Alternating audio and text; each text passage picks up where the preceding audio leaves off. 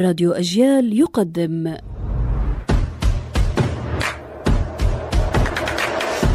أصل الكلام عارف حجاوي بعض أموري عجيبة.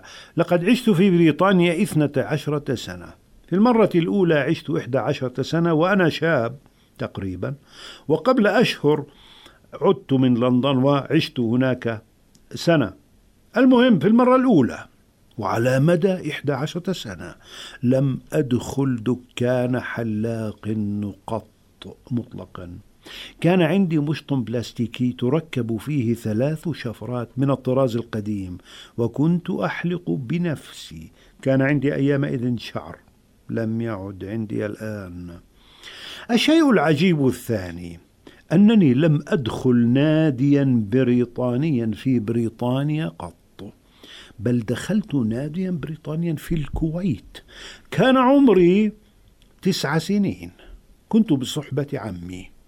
وكان القوم يلعبون لعبة مشهورة جدا اسمها البينجو. وكان الكلام بالإنجليزية التي لم أكن أفهم منها حرفا.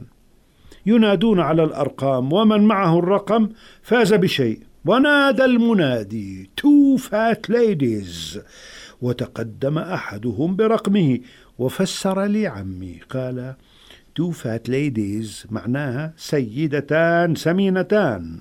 والعبارة تشير إلى الرقم ثمانية وثمانين.